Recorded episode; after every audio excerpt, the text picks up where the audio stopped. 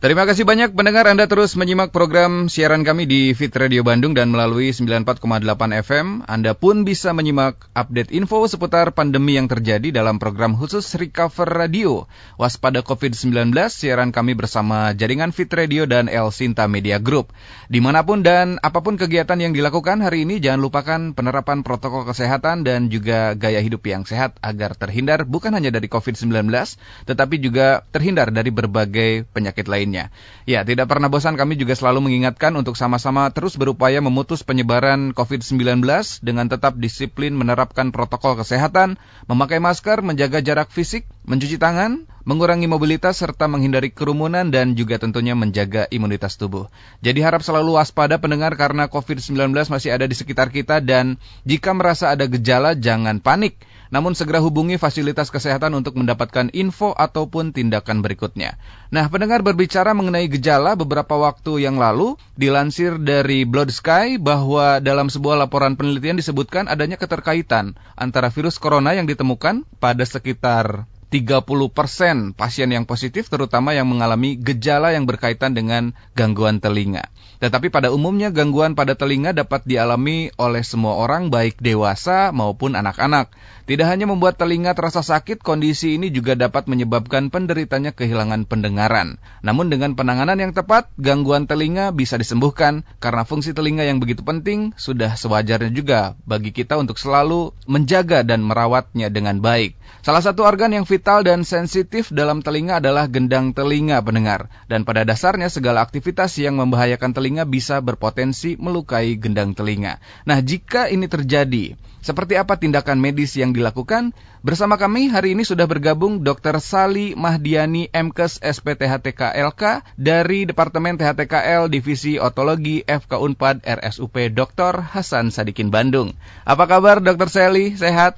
Alhamdulillah kabar baik Kang Tio. Alhamdulillah sehat juga dokter berkat doa dokter juga. Dokter hari ini bertugas seperti biasa atau off day dok? Kebetulan off, Kang. Kebetulan off ya. Jadi iya. biasanya kegiatan apa dokter yang dilakukan ketika off day ini di rumah begitu? Off di rumah mm -hmm. dipakai untuk beres-beres. Beres-beres. Iya. Memasak begitu? Kumpul bareng keluarga ya. Ah, itu dia me time dulu ya, Dok ya. Itu juga penting sekali ya, dokter ya.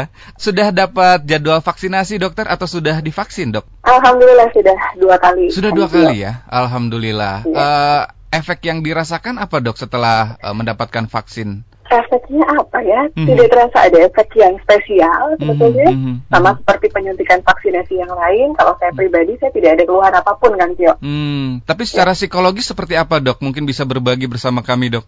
Secara psikologis tentunya hmm. dari tujuan vaksinasi COVID-19 sendiri, yeah. pasti pada saat kita telah menerima vaksinasi itu hmm. sebagai salah satu cara atau tameng kita hmm. untuk menghindari COVID-19, tentunya jadi ada sisi-sisi apa ya hmm. psikologis bahwa saya merasa lebih aman hmm. gitu. Tapi di sisi lain, keamanan itu juga harus disertai dengan tetap yang tadi hmm. Kang Tio sudah sebutkan ya, yeah. 3M dengan tetap ditambah dengan menjaga imunitas tubuh dan hmm. menjaga jarak fisik. Baik, terima kasih dokter sekaligus juga mengedukasi kami dan masyarakat mengenai vaksin ini ya dok ya. Dan semoga iya. memang program ini bisa membawa kita segera lepas dari pandemi COVID-19. Amin. Ya Rabbal Alamin. Amin, amin, amin. Baik, terima kasih dokter untuk kesediaan waktu dan juga kesempatannya di hari off-nya begitu untuk bisa bergabung bersama kami dan pendengar Anda pun bisa berkonsultasi mengenai materi yang kita angkat mengenal operasi gendang telinga dokter.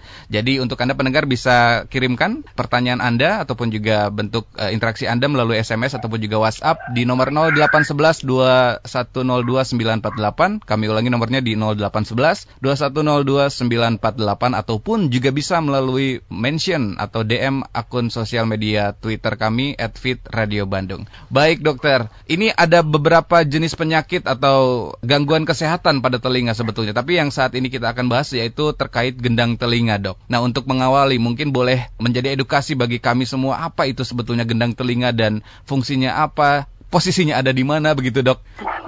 ya. ya. Uh, gendang telinga itu sebetulnya adalah selaput yang tipis kan, mm-hmm.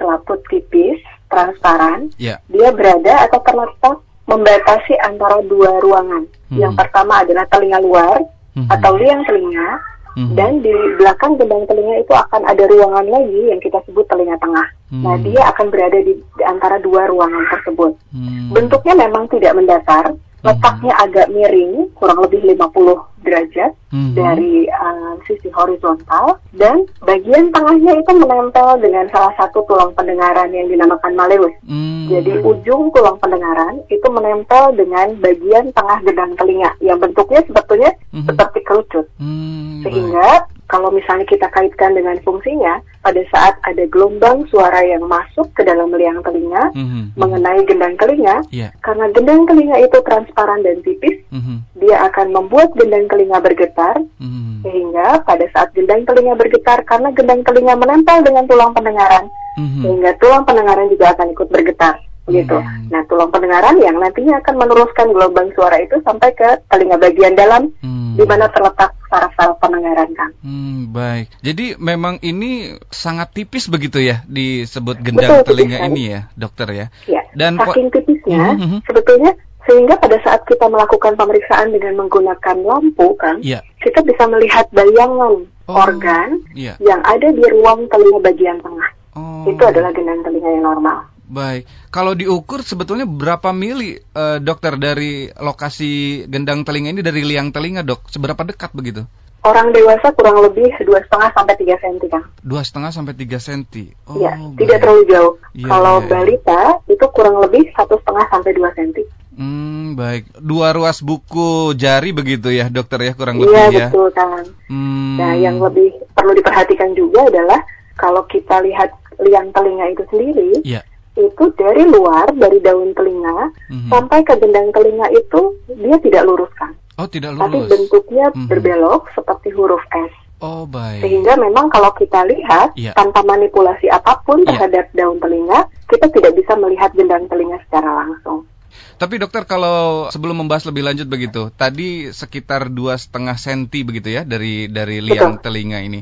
Uh, apakah memang kebiasaan di masyarakat ini mengorek-ngorek telinga begitu ya uh, bisa juga berakibat melukai gedang telinga, dokter? Ya, sebetulnya ini ke kebesaran Tuhan ya kan, hmm. Aduh maha kuasa nih yang hmm. yang menciptakan gitu. Hmm. Ternyata yang telinga kita dibuat memang berkelok dan tidak lurus hmm. langsung menuju gendang telinga. Hmm. Itu salah satunya untuk proteksi gendang telinga kita hmm. agar terhindar dari trauma secara langsung dari arah luar. Hmm. hmm, hmm, hmm. Gitu. Yeah. Jadi memang kalau misalnya kita mengorek telinga misalnya menggunakan satu alat mm-hmm. itu kalau kita merasakan apa bahasa Sundanya mungkin nggak jeduk ya kan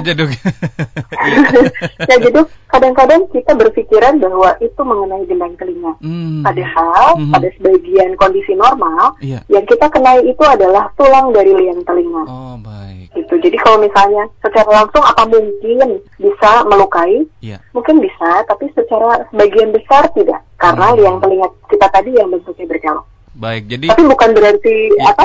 Aman juga gitu ya kan oh, untuk mengorek-orek. Kalau ya. kena ke kulit liang telinga yang tipis, mm-hmm. itu kulit liang telinga bisa luka dan uh, risiko infeksi juga bisa terjadi. Baik, jadi memang sebetulnya sudah diciptakan, masya Allah ya dari struktur dari organ juga memang sudah dibuat seaman mungkin begitu ya dokter ya. Tetapi memang, ya, betul. Tetapi memang ada beberapa kasus begitu yang memang ak akhirnya membuat gendang telinga ini luka begitu ya atau robek. Nah ini sebetulnya hal apa dokter yang bisa mengakibatkan robeknya gendang telinga ini dok?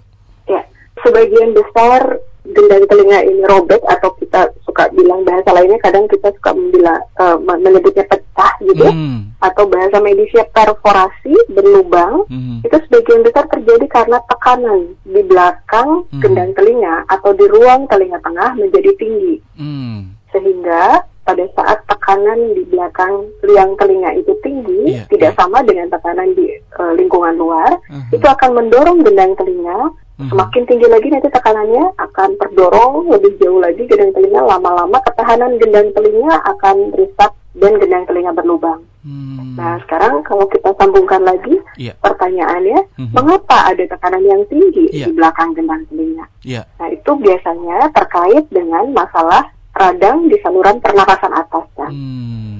Karena pada saat terjadi radang di saluran pernafasan atas, misalnya hmm. dari batuk, yeah. pilek yeah. atau demam, terjadi juga radang ke telinga bagian tengah, hmm. hmm sehingga akan mengganggu keseimbangan tekanan udara di telinga bagian tengah hmm. dan akan mendorong gendang telinga yang nantinya juga akan bisa menyebabkan risiko pecah pada hmm. gendang telinga.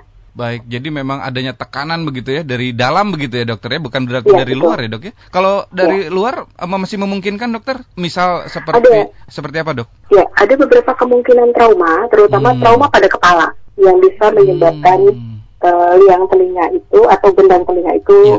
pecah atau berlubang. Hmm. Trauma kepala misalnya, mohon maaf ya, ya. dipukul misalnya oh. daerah hmm. uh, kepala bagian hmm. samping hmm. hmm. atau ditempeleng yang keras, tapi hmm. itu memang uh, Ya. Persentasenya masih jauh lebih kecil dibanding tadi infeksi dari saluran pernafasan atas. Baik. Nah, gejala yang dirasakan seperti apa, Dok, jika memang seseorang ini mengalami gangguan di gendang telinga, Dok?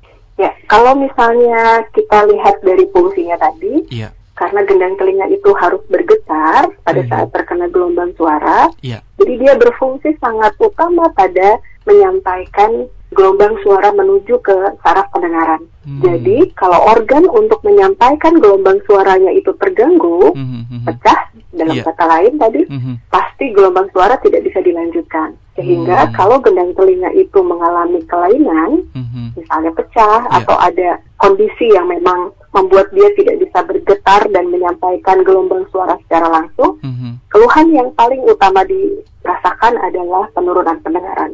Baik ketika gendang telinga ini robek atau pecah begitu ya dokter ya, yang uh, dirasakan sebetulnya adalah penurunan pendengaran begitu, bukan kehilangan pendengaran dok? Atau seperti apa mungkin dokter? Kalau hilang kan sama sekali nol mungkin ya kan ya? Iya. Ya jadi hmm. kalau misalnya ada masalah pada gendang telinga biasanya menurun, berkurang gitu pendengaran. Hmm. hmm, hmm berkurang. Jadi memang tidak secara langsung mm-hmm. uh, pendengaran akan terasa menurun. Mm-hmm. Kalau memang itu diawali dari radang saluran pernafasan atas mm-hmm. karena pilek atau batuk gitu, yeah. itu biasanya keluhannya bertahap. Pertama ya dirasakan telinganya terasa penuh misalnya, mm-hmm. atau telinga terasa tertutup, mm-hmm. gitu kan ya? Yeah. Yeah. tertutup gitu. Yeah. Lalu lama-lama nanti bisa terasa ada nyeri yang teramat sangat. Nah ini yang harus kita perhatikan mm-hmm. pada anak-anak biasanya anak-anak yang mhm. kecil ini belum bisa mengeluhkan secara verbal, belum bisa bicara bahwa hmm. telinga ini sakit. Ya, betul. Bisa kita amati sebetulnya betul, dari betul. tingkah laku. Misalnya bayi sering menggaruk-garuk atau mengusap-usap telinganya, hmm. atau sering rewel sampai tidak bisa tidur dengan nyenyak di malam hari misalnya. Itu perlu hmm. kita waspadai hmm. adanya infeksi pada telinga bagian hmm. tengah hmm. yang merupakan salah satu risiko untuk menyebabkan hmm. kerusakan gendang telinga. Hmm. Nah, keluhan-keluhan tadi itu akan menggiring untuk selanjutnya pada saat gendang telinga sudah pecah, pendengaran pasti berkurang. Hmm. Gitu. Baik, dokter kalau gendang telinga ini juga tadi sempat disampaikan bahwa memang e, penyebab begitu ya, itu ada tekanan dari dalam ataupun juga terkena trauma benturan dari luar begitu dokter. Tapi oh. jika suara begitu dari trauma e, suara yang kita dengar terlalu berlebihan, apa juga bisa berpengaruh terhadap kerusakan gendang telinga ini dok? Ya, noise induce misalnya. Hmm. Uh, jadi bising, bising, bising ya. itu memang kita bagi dua kan, yang hmm. bisa mengganggu pendengaran. Hmm. Yang pertama suara yang sangat keras, yeah. tapi hanya terjadi selama satu kali. Misalnya suara ledakan bom, yeah. gitu. Atau suara yang memang dia tidak terlalu keras, mm-hmm. tapi itu kita dengarkan mm-hmm. secara lama mm-hmm. dalam jangka waktu yang panjang. Mm-hmm. Itu juga bisa mengganggu pendengaran. Mm-hmm. Nah biasanya suara yang tidak terlalu keras, tapi yeah. didengarkan dalam jangka waktu yang panjang, tidak melukai gendang telinga. Oh tidak. Ya? Tapi berakibat mm-hmm. atau berefek langsung mm-hmm. kepada saraf pendengaran. Mm-hmm. Sedangkan suara yang satu kali tadi, yeah. tapi keras sekali seperti suara bom, mm-hmm. memang bisa secara langsung mengenai atau memecahkan gendang telinga juga. Mm-hmm. Baik. Menarik pendengar, silahkan Anda untuk berinteraksi bersama dokter dan SMS dan juga WhatsApp kami terbuka di nomor 0811 2102 948. Kami ulangi nomornya di 0811 2102 948. Ada sudah beberapa yang bergabung bersama kami dokter, tapi sebelum ke situ, apakah memang ada bisa begitu komplikasi lain yang terjadi akibat gangguan telinga ini dokter? Ya, uh, kalau dari gendang telinga ya. yang luka sebetulnya bisa terjadi komplikasi lain kalau dibiarkan hmm. kalau kita tidak uh, obati secara tuntas. berhubung salah satu fungsi dari gendang telinga itu juga untuk membatasi atau melindungi telinga bagian tengah dan telinga bagian dalam yeah. dari lingkungan luar, tentu saja kalau liang telinga atau gendang telinga itu berlubang, antara dunia luar, antara liang telinga mm -hmm. dengan mhm. telinga bagian tengah dan bagian dalam mm -hmm. sudah tidak ada proteksi lagi, mm -hmm. tidak ada yang apa melindungi, sehingga mm -hmm. kemungkinan infeksi yang terjadi dari luar secara langsung untuk telinga bagian tengah dan bagian dalam itu kemungkinannya akan terjadi lebih besar. Hmm. Nah, karena itu misalnya pada orang-orang dengan gendang telinga yang luka atau yang robek hmm. itu sama sekali tidak boleh berenang misalnya kan. Hmm. Karena dengan berenang yeah, air yeah. masuk ke dalam telinga sehingga langsung akan menginfeksi telinga bagian tengah dan telinga bagian dalam. Hmm. Gitu. Jadi kemungkinan infeksi di telinga bagian dalam lebih tinggi kalau terjadi gendang telinga yang robek. Baik. Dari dokter amati begitu atau dari data yang dokter miliki di masyarakat ini memang seberapa umum penyakit ini atau gangguan dari gendang telinga ini terjadi dan biasanya terjadinya sebagian besar karena apa, Dok? Masalah pada gendang telinga ini merupakan masalah di telinga yang cukup banyak sebetulnya, mm-hmm. terutama pada uh, anak-anak usia satu setengah sampai dua tahun, oh. di mana kemungkinan terjadinya infeksi saluran pernafasan atas tinggi. Mm. Itu juga berarti risiko untuk terjadinya masalah pada gendang telinga atau mm. gendang telinga yang pecah juga tinggi. Mm-hmm. Lalu orang-orang dengan alergi misalnya, yang sering batuk, pilek, mm. misalnya itu juga kemungkinan untuk terjadinya masalah pada gendang telinga juga tinggi. Berikutnya juga risiko orang-orang dengan risiko masalah pada gendang telinga juga terjadi pada usia lanjut. Hmm. Di mana kalau usia lanjut biasanya bukan gendang telinga yang pecah secara langsung, hmm. tapi gendang telinga menjadi menebal. Hmm. Jadi sklerotik kita sebutnya. Jadi menebal yang tadinya harusnya tipis jadi yeah. menebal. Sehingga pada saat gendang telinga itu semakin menebal, ada penumpukan kalsium di sana, hmm. Hmm. ada gelombang suara itu selaput yang menebal yeah. tadi tidak bisa bergetar oh, gitu dan itu juga yeah. pasti menimbulkan penurunan pendengaran. pendengaran ya. Itu faktor Jadi yang harus diwaspadai yeah. orang-orang dengan faktor risiko hmm. sering terjadi infeksi saluran pernafasan atas yeah. dan usia lanjut. Baik, jadi usia lanjut sering kali memang pendengaran menurun ini karena memang selaput gendang telinganya menebal begitu ya dokter ya? Ya, salah hmm. satu faktornya salah satu selain faktor. masalah saraf ya Kang ya. Oh, baik, baik. Ketika ini sudah terjadi begitu, tindakan medis seperti apa dokter yang perlu dilakukan? Apakah operasi begitu atau ada terapi-terapi yang lain begitu yang bisa dilakukan dokter? Ya, kalau gendang telinga pecah atau ada kelainan seperti menebal tadi, yeah. biasanya pada dewasa mm-hmm. itu saran untuk tata laksananya adalah tindakan rekonstruksi mm-hmm. atau operasi gitu ya. Mm-hmm. Jadi gendang telinga yang berlubang itu iya. istilah awamnya mungkin ditambal gitu ya. Oh, ditambal, ditambal dokter. Oh, baik. Ya betul. Tapi ya, ya mudah-mudahan tidak berpikiran bahwa penambalan gendang telinga itu merupakan hal yang seperti nambal ban ya. ban.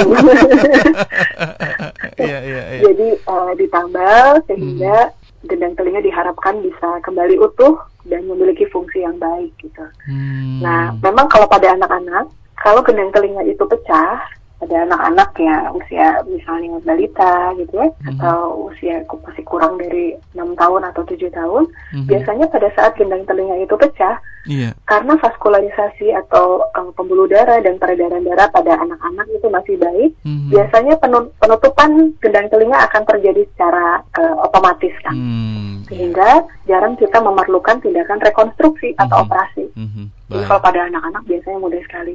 Nah sekarang kalau pada dewasa atau pada gendang telinga yang pecahnya sudah lama, mm-hmm. sehingga dari tepi mm-hmm. gendang telinga yang luka itu sudah mm-hmm. tidak ada lagi pembuluh darah, mm-hmm. jadi epitelnya itu sudah tidak bisa berkembang, sudah mm-hmm. bisa tidak bisa tumbuh lagi, sehingga untuk menutup dengan sendirinya itu kemungkinannya kecil. Mm-hmm. Nah kita harus bantu yeah. untuk melakukan penutupan gendang telinga tersebut dengan operasi. Mm-hmm.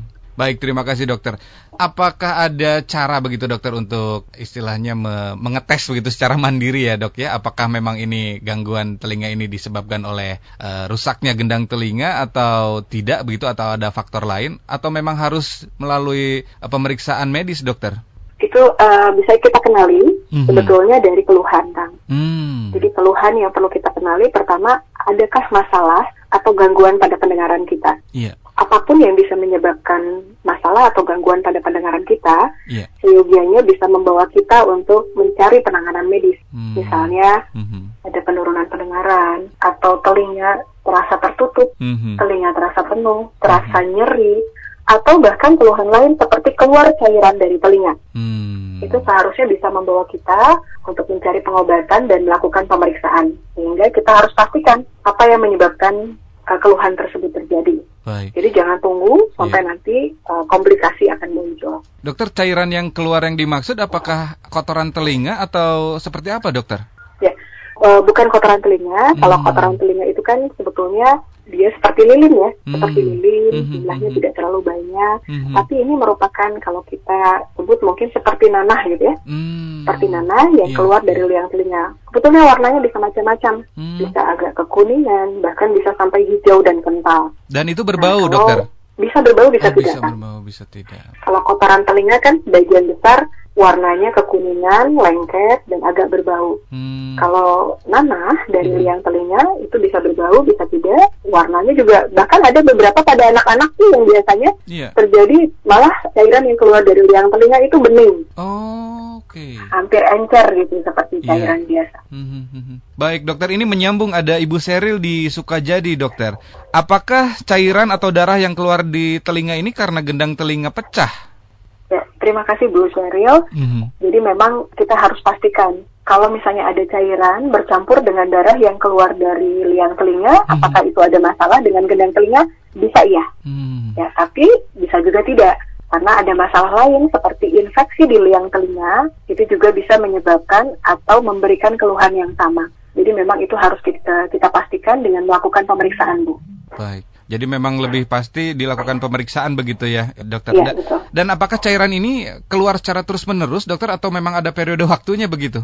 Kalau uh, ada cairan yang keluar dari liang telinga, ya. itu biasanya uh, merupakan produk dari infeksi telinga yang terjadi. Hmm. Sehingga selama infeksi itu masih terjadi, biasanya cairan yang keluar dari telinga itu akan terus berlanjut. Hmm. Namun apabila infeksi di telinga itu sudah berhenti atau hmm. sudah teratasi, hmm. biasanya cairan dari telinga itu juga akan otomatis berhenti. Hmm. Baik, jadi memang ada penyebabnya begitu ya sehingga cairan ini keluar begitu ya dokter ya. Kalau penyebabnya ini sudah uh, tidak ada atau disembuhkan atau sembuh sendiri begitu, ini juga uh, cairannya akan berhenti keluar begitu ya dokter ya. Iya betul. Kurang lebih seperti itu. Baik, terima kasih. Ada yang bertanya juga tidak disebutkan namanya. Dokter, apakah benar gangguan telinga ini bisa menyebabkan juga penyakit vertigo?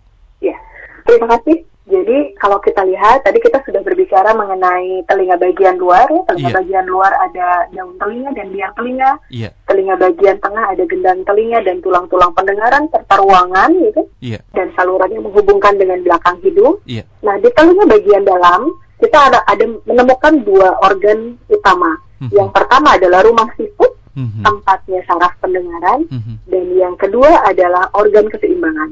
Nah, pada saat ada masalah misalnya gendang telinga yang berlubang, mm -hmm. itu memang akan mudah sekali gendang telinga mm -hmm. tidak bisa memproteksi telinga bagian dalam termasuk mm -hmm. organ untuk keseimbangan. Mm -hmm. Sehingga salah satu keluhannya bisa terjadi gangguan keseimbangan karena efek yang terjadi dari luar bisa terjadi secara langsung gitu. Hmm. Harusnya misalnya kalau misalnya kita berenang, yeah. air itu tidak boleh mengenai secara langsung kepada organ keseimbangan dan itu akan ditahan oleh gendang telinga. Tapi hmm. kalau gendang telinga robek atau berlubang, air misalnya akan secara langsung masuk ke dalam dan langsung uh, mengenai organ keseimbangan. Biasanya hmm. memang gangguan keseimbangan akan terjadi. Meskipun gangguan keseimbangan juga bisa terjadi karena faktor infeksi di telinga tadi yang lama, yeah, yeah, itu yeah. juga infeksinya bisa menyebar ke belakang sehingga uh, mengenai uh, organ keseimbangan. Mm -hmm. Jadi memang ada kemungkinan keterkaitan itu ya dok ya? Betul kan? Hmm. Baik dokter, terima kasih penjelasannya dan menyambung tadi mengenai soal berenang ada Bapak Rizal di Dago. Dokter minggu lalu setelah berenang telinga seperti kemasukan air begitu, tapi sampai sekarang masih seperti itu. Apakah ini juga terkena gendang telinga atau ada cara buat meredakannya dokter? Terima kasih. Ya terima kasih Pak. Jadi sebetulnya sih kembali lebih baik kita pastikan dengan pemeriksaan mm-hmm. apa yang menyebabkan keluhan itu terjadi. Jadi kalau misalnya habis berenang, mm-hmm. misalnya terasa ada air, yeah, yeah. bisa jadi memang masih ada air yang mengendap atau tergenang di liang telinga. Mm-hmm. Nah, kenapa tidak bisa keluar? Mm-hmm. Itu biasanya terjebak karena ada kotoran telinga. Oh. Di liang telinga ada kotoran telinga, mm-hmm. sehingga pada saat air masuk itu mm-hmm. tertahan oleh kotoran telinga sehingga tidak bisa kembali keluar. Atau sensasi itu juga bisa terjadi karena ada masalah gangguan pada tuba eustachius. Mm-hmm. Yeah. Tuba eustachius itu adalah saluran yang menghubungkan antara belakang hidung dengan belakang gendang telinga kan. Oh, baik. Itu jadi yeah. kalau misalnya ada masalah misalnya radang di saluran pernapasan atas atau perubahan cuaca yang berbeda misalnya mm-hmm. uh, orang berenang masuk ke dalam airnya dingin gitu yeah, nah iya. tuba yeah. itu akan menutup okay. saluran itu akan menutup mm-hmm. sehingga daerah telinga tengah tekanannya menjadi terganggu itu juga bisa menyebabkan sensasi telinganya terasa penuh atau terasa seolah-olah ada air atau memang ada infeksi yang sudah lama di belakang gendang telinga jadi memang harus kita pastikan mm-hmm. Baik, seperti itu Bapak Rizal di Dago. Jadi uh, bisa jadi karena air yang tidak keluar lagi dan kerasa mepek begitu ya dokter ya telinganya ya, ini. Betul. Ini karena ada kotoran begitu ya yang yang menghalangi uh, ya. airnya jadi keluar lagi. Dokter, tapi ada cara tidak ketika memang uh, dirasakan seperti itu? Apakah posisi tidur yang miring? Apakah bisa membantu dokter? Sebetulnya kalau masalahnya terjadi di tuba atau di saluran yang menghubungkan tadi belakang hidung dengan belakang gendang telinga, oh, okay, yeah. itu bisa kita atasi secara langsung dengan mencoba membuka mulut kan. Oh. Mulutnya rahangnya kita gerakan, yeah. dibuka atau menelan, ngemut hmm. permen misalnya, yeah, yeah, ngemut yeah. permen ditelan. Seperti kalau kita naik pesawat yeah. atau pesawat yang mau landing, nah itu tuba itu suka tertutup, kolaps dia, oh. menutup. Nah, jadi untuk mencegah itu biasanya kita menelan atau nguap. Hmm, dan itu normal ya, dok? rahang. Dan itu normal? Betul, itu kondisi yang normal. Oh. Karena perubahan tekanan yang mendadak. Ya, kadang nah, bikin... kalau itu tidak bisa diatasi, mm -hmm. lebih baik tidak perlu memasukkan apa pun -hmm. ke dalam liang telinga, jangan dikorek, tidak perlu dimasukkan air lagi, gitu. lebih baik uh, diperiksakan ya, ke dokter saja. betul sekali dokter. Kadang ketika ini telinga rasanya kemasukan air nih, dimasukin air lagi tuh, ya, dimiringin begitu. Nanti air yang dimasukkan akan mengajak temannya keluar kan? betul. Padahal bisa jadi itu malah jadi lebih uh, menyumbat lagi ya dok ya. Iya betul. Baik, terima kasih dokter. Ada Bapak Rudi di Katamso. Dok, berapa lama dampak dari penggunaan earphone atau headphone ini terhadap gangguan pendengaran? Ya, ini kita menyinggung dikit gangguan dengar karena hmm, uh, bising ya berarti kan? Iya, betul betul. Ya, uh, jadi memang ada aturan tertentu penggunaan earphone itu sebetulnya ada beberapa masalah yang ada kemungkinan kita hadapi. Pertama, mm-hmm. adanya benda asing yang masuk ke dalam liang telinga untuk jangka waktu yang lama. Hati-hati bisa menyebabkan juga radang pada liang telinga. Itu yang mm-hmm. pertama yang harus kita waspadai. Mm-hmm. Berikutnya adalah dari suara yang dihasilkan dari uh, earphone itu sendiri. Mm-hmm. Sebaiknya tidak terlalu lama dan tidak terlalu keras. Karena apabila keras dan lama itu akan terjadi risiko bagi saraf pendengaran kita. Jadi hmm. aturan yang perlu kita ingat sebetulnya ini pernah saya singgung sebetulnya. Yeah. Jadi aturannya 60 60 kan. 60 60. Yang kita dengarkan itu kekerasannya atau volumenya hmm. 60% dari volume maksimal hmm. Hmm. hanya selama 60 menit. Hmm. Itu jadi rumusnya 60 60 mungkin yang perlu kita ingat. Baik. Dan itu harus diistirahatkan setelah itu ya, Dokter ya. Betul, istirahatkan. Baik, terima kasih seperti itu Bapak Rudi di Katamso. Jadi rumusnya 60-60, 60% dari maksimal volume yang digunakan untuk uh, durasi waktu 60 menit, begitu dokter ya? Dan Betul. ada Bapak Yanto di Cimahi. Uh, dok, apakah telinga berdenging terus merasakan sakit, terus terasa tersumbat? Apa itu bisa dirasakan semua orang atau salah satu tanda bahwa gejala gendang telinga kita terganggu, begitu dokter?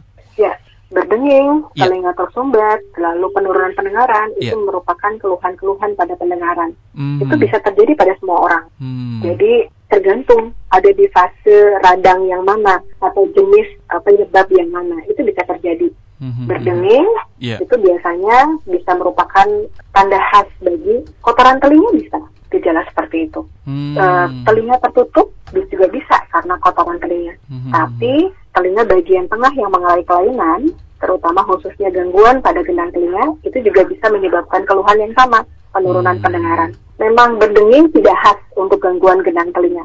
Berdenging bisa terjadi karena masalah di liang telinga yeah. atau justru saraf pendengaran. Telinga terasa penuh, biasanya masalah pada telinga bagian tengah. Penurunan hmm. pendengaran bisa terjadi karena masalah baik itu di liang telinga, gendang telinga, maupun di saraf pendengaran. Baik, dokter. Tapi kalau kadang-kadang suka berdenging tiba-tiba begitu, dokter. Tapi setelah itu hilang lagi, berdenging lagi. Ini gejala apa, dok? Apa memang ada yang ngegosipin begitu?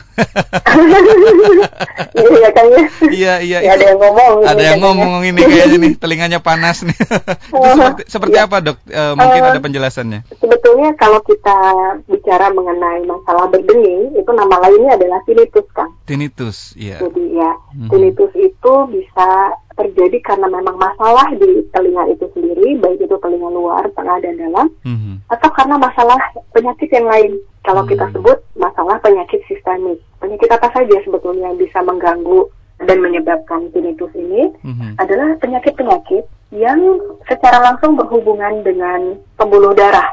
Misalnya mm-hmm. penyakit hipertensi, tekanan yeah. darah tinggi atau penyakit diabetes mellitus kencing manis. Penyakit-penyakit tersebut merupakan contoh-contoh penyakit yang memiliki efek pada vaskularisasi atau peredaran darah. Nah, hmm. peredaran darah yang terkena adalah peredaran darah yang memberikan nutrisi bagi telinga bagian dalam, hmm. di mana telinga bagian dalam itu adalah pusat untuk saraf pendengaran. Sehingga pada saat organ saraf pendengaran itu tidak mendapatkan nutrisi yang baik dari peredaran darah, itu pasti akan menyebabkan gangguan. Kematian lah istilahnya, kematian hmm. sel, hmm. sehingga bisa menyebabkan gangguan yang memberikan keluhan tinnitus. Jadi bisa terjadi karena memang penyebabnya di telinganya, yeah. atau karena penyebab penyakit lain yang muncul. Baik, terima kasih penjelasannya bahwa memang uh, ini berarti gejala penyakit begitu tinnitus itu ya tadi dokter ya, bukan digosipkan. Jadi lebih harus lebih waspada atur nuhun dokter. Ada Bapak Yusuf di GBI dokter. Uh, dok, apakah ada cara membersihkan telinga yang baik dan benar ini seperti apa?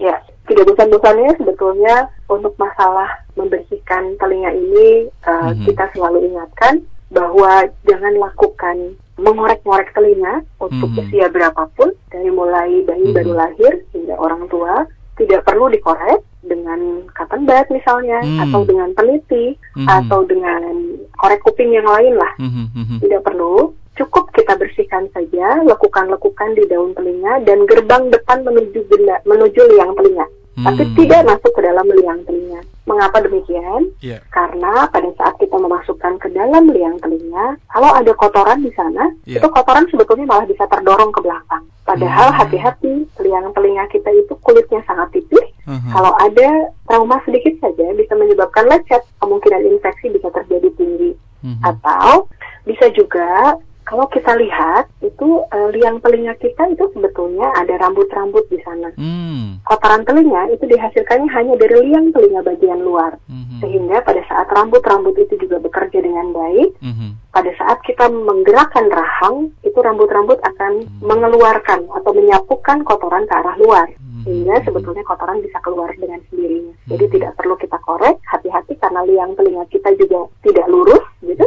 Iya, iya. Jadi tidak perlu diapa-apakan, okay. lebih baik bersihkan daun telinganya saja. Kalaupun hmm. kelenjar penghasil kotoran telinganya sangat aktif memproduksi kotoran, yeah. lebih baik kontrol teratur setiap enam bulan saja ke dokter THT. Baik, jadi memang jangan coba-coba untuk membersihkan niatnya begitu menggunakan cotton bud tapi malah jadi menekan ke dalam begitu ya. Nah, uh, jadi mendorong, mendorong ke dalam uh, kotorannya. Baik, terima kasih. Ada Ibu Novi di Cinunuk. Dokter, saya sempat berobat saat sakit telinga. Ternyata ada cairan dan cairan itu disedot begitu. Nah, pertanyaannya apakah gangguan telinga ini bisa terus berulang dan harus bagaimana biar tidak berulang merasakan sakitnya di telinga ini, Dok? Terima kasih. Ya, terima kasih. Kalau dari keluhannya uh, keluarnya cairan dari telinga, liang telinga, mm -hmm. itu uh, kemungkinan terjadi dari gendang telinga yang pecah. Mm -hmm. Kalau sudah diobati dan cairannya sudah dibersihkan, itu keluhan akan berhenti. Tapi apakah bisa kembali lagi? Bisa. Hmm. Karena masalah infeksi di telinga bagian tengah itu tergantung dengan infeksi atau radang di saluran pernafasan atas. Hmm. Karena selnya sama, yeah. sehingga kalau misalnya terjadi radang di saluran pernafasan atas, misalnya karena batuk atau pilek, yeah. itu juga akan memiliki kemungkinan untuk hmm. menyebabkan infeksi kembali di telinga hmm. bagian tengah. Hmm. Jadi caranya gimana? Kalau bisa kurangi kemungkinan untuk batuk dan pilek gitu. Oh, baik. Atau kalau misalnya batuk dan pilek, jangan terlalu lama, cepat diobati. Harus Tiga hari ya, harus cepat diobati. Gitu. Jangan berlangsung terus-menerus, mm-hmm. pileknya berkepanjangan, mm-hmm. sehingga infeksi di telinga bagian tengah juga bisa terjadi kembali. Baik, terima kasih. Memang bisa kemungkinannya bisa berulang begitu ya dokter ya? Sakitnya ya, ini. Baik. Dokter satu lagi ya. ada ini, masih ada beberapa ini tapi saya pilihin satu lagi. Dari 085723 sekian sekian. Uh, dokter, saya sering bersin dan sering merasakan sakit ketika habis bersin. Apakah ini juga bisa menyebabkan gangguan pada gendang telinga? Ya, betul.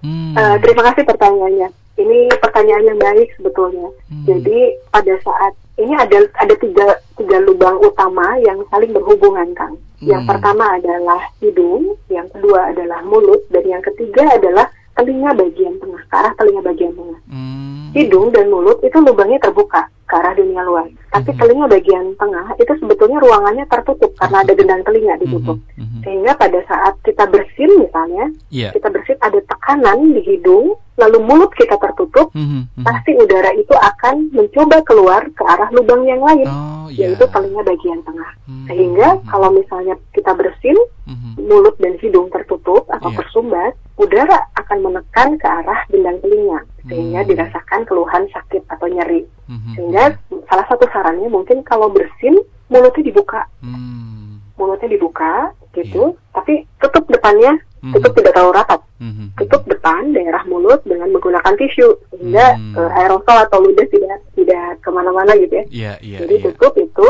dan dengan terbukanya mulut pada saat bersin itu akan mengurangi tekanan ke arah telinga. Baik dokter, terima kasih edukasinya. Jadi kalau bersin lebih baik memang mulut dibuka saja begitu ya, uh, hidung juga Betul, jangan kan? sampai disumbat begitu, tapi jangan ya. diarahkan ke sembarang tempat begitu ya, tapi harus ditutup begitu. Betul. Satu lagi mungkin yang perlu ya, diingat, ya, jangan ya. juga meniup-niupkan. Mm -hmm. Misalnya telinganya tersumbat, mm -hmm. gitu. Mm -hmm. Kadang-kadang kita suka menutup hidung dan menutup mulut lalu kita tiup. Oh, iya. iya nah, iya. hati-hati karena tujuan kita untuk uh, mencoba telinga itu terbuka, ya, padahal ya. justru akan memberikan tekanan yang tinggi ke telinga. Okay. Jadi tidak perlu tidak perlu untuk ditiup-tiup itu ya, dengan ya. hidung dan mulut yang tertutup. Iya iya betul betul. Ada sering kali itu di masyarakat ya dokter.